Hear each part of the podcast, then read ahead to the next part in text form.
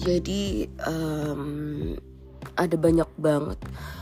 Video di TikTok akhir-akhir ini udah tiga hari terakhir yang gue lihat soal gue nggak tahu cowok ini siapa ya tapi ini dari Bloom Entertainment. Kalau nggak salah tadi gue baca gitu di captionnya.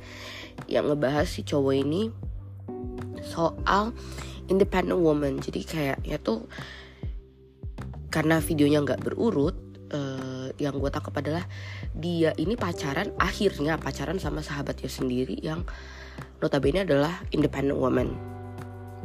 Oke okay, well, jadi bener dia mengeluarkan statement bahwa uh, independent woman adalah cewek yang paling nggak independen sesungguhnya. Yap, betul. I have to say, I have to agree to be agree with that statement because that is so true. Aduh, gue pakai batuk. Sorry. Jadi bener, cewek-cewek yang di luar sana kalian sebut sebagai independent woman, mereka itu tidak lahir dan apa ya diajarkan untuk menjadi perempuan yang seperti itu dan turn out ketika mereka menjadi seorang independent woman itu adalah karena paksaan dari keadaan. Realita yang mereka hadapi yang membuat mereka untuk mengambil keputusan oke okay, I don't have to rely on anybody just rely, on myself. Dan akhirnya itu menjadi kebiasaan hari ini gue bergantung pada diri gue besok begitu lusa begitu seterusnya. Dan sampai akhirnya kita terbiasa untuk menolong diri kita sendiri. Dan ya udah terciptalah kita sebagai si independent woman tadi. Tapi bukan berarti uh, kita tuh nggak butuh orang lain bukan. Pertama karena kebiasaan kita tahu ya memecah kebiasaan itu sulit. Yang biasanya tadinya kita menolong diri kita sendiri terus tiba-tiba harus minta tolong sama orang lain itu pasti sulit. Kedua pasti di situ ada faktor gengsi dong dan ego kita dong kayak yang ah gue bisa kok kemarin ngerjain ini sendirian kenapa sekarang harus minta tolong orang? Ada faktor kayak gitu. Ketiga um, pil pahit yang harus diakui yang harus ditelan ada faktor trauma juga di sana. Kenapa kita jadi tidak tidak terbiasa untuk minta tolong orang lain mungkin karena kita di belakangnya dulu sering mendapatkan penolakan ketika kita minta tolong. Kayak misalnya gue minta tolong gak usah jauh-jauh deh gue di rumah gue minta tolong sama kakak gue aja. Bang uh, bantuin gue dong kakak gue anak komputer ya an uh, anak TI uh, eh, komputer gue eh laptop gue rusak nih ngadet ini tolong benerin dong. Terus iya oke. Okay. dianggurin 2-3 hari padahal gue butuh gitu loh buat gue kerja gitu buat gue pakai untuk ABC tapi nggak nggak langsung dikerjain. Dan akhirnya ya udah deh besok besok kalau laptop gue kenapa-napa gue bawa aja langsung ke tempat servis. Tinggal pergi bayar kelar gitu. Atau mungkin uh, minta tolong sama teman kayak eh tolong dong nanti bantuin gue kerjain yang ini atau checking dong kerjaan gue yang ini udah kelar uh, menurut lu gimana? Misal ya sama teman kantor misalnya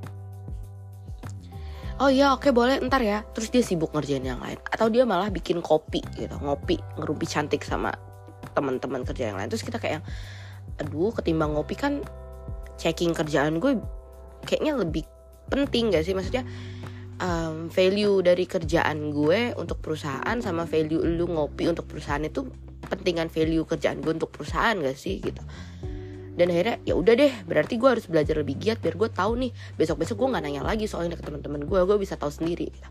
akhirnya itu memaksa kita untuk oke okay, uh, let's learn more so you can do more so you will not let yourself rely on anybody.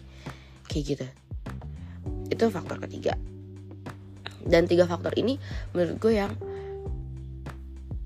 akhirnya membentuk karakter si independent woman tapi bener kata si cowok itu ya yang di podcast independent woman adalah cewek yang paling gak independen kita tuh cuman bingung. Karena kita sudah terbiasa image kita yang terbentuk adalah sebagai seorang independent woman kita bingung untuk menunjukkan sisi lemah kita sisi ketidakmampuan kita untuk kita mengeluh untuk kita bisa mengatakan tolong please itu tuh ke siapa?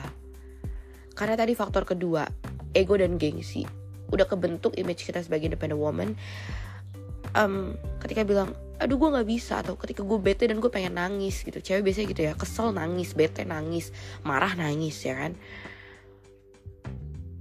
Kita nggak tahu. Kita tuh ngerasa kayak aduh tapi orang-orang tahu ya gue tuh kuat loh. Pas gue masih nangis di depan orang sih? Gitu. Nah di sini poinnya kita adalah makhluk yang paling gak independen. Ketika ketika kita ketemu dengan orang yang tepat ini nggak nggak gue khususkan ke hubungan romantis antara laki-laki dan perempuan ya. Lingkungan yang tepat aja teman-teman yang tepat circle yang tepat. Gue ketemu sama teman-teman gue di circle yang tepat gue bisa ngeluhin A sampai Z. Kayak nggak ada hidup nggak ada hal di dalam hidup gue yang bisa gue syukuri gitu kesannya. Karena semua yang keluar dari mulut gue tuh keluhan. Terus ketemu sama teman-teman yang tepat gue bisa bisa bisa nangis bisa marah bisa kesel bisa bisa melakukan banyak hal. Gue nggak perlu faking myself gitu untuk bilang I'm okay I'm strong enough I can handle it gitu. Itu baru di circle yang tepat. Apalagi ketika kita menjalin hubungan romantis dengan laki-laki. Ketika kita merasa bahwa I'm safe with this person. Lu kebayang dong kita bakal se weak apa ya kan berubah jadi Yupi tiba-tiba. Yang kenyal-kenyal manis gimana gitu. But that's true loh. That really is true. Karena akhirnya gue sadar bahwa di circle mana bersama siapa gue bisa dengan nyaman mengatakan bahwa ya ampun gue capek. Ya ampun gue nggak pede untuk mengerjakan hal ini ya ampun rasanya gue gak bakal sanggup deh untuk menyelanjutkan pekerjaan ini. Atau hey please tolongin gue dong untuk hal A. Eh boleh dong bantuin gue untuk hal B. Atau ini gue lagi marah ya gue nangis. Ini gue lagi kesel ya gue nangis. Akhirnya gue bertemu dengan circle di mana gue bisa menjadi diri gue yang lemah itu mengeluarkan sisi gue yang lemah itu. Dan bertemu dengan orang-orang yang di mana gue percaya pada mereka gue bisa menjadi lemah maksudnya menunjukkan sisi gue yang lemah itu ketidakmampuan gue itu dan mereka tetap tidak akan menginjak-injak gue gitu.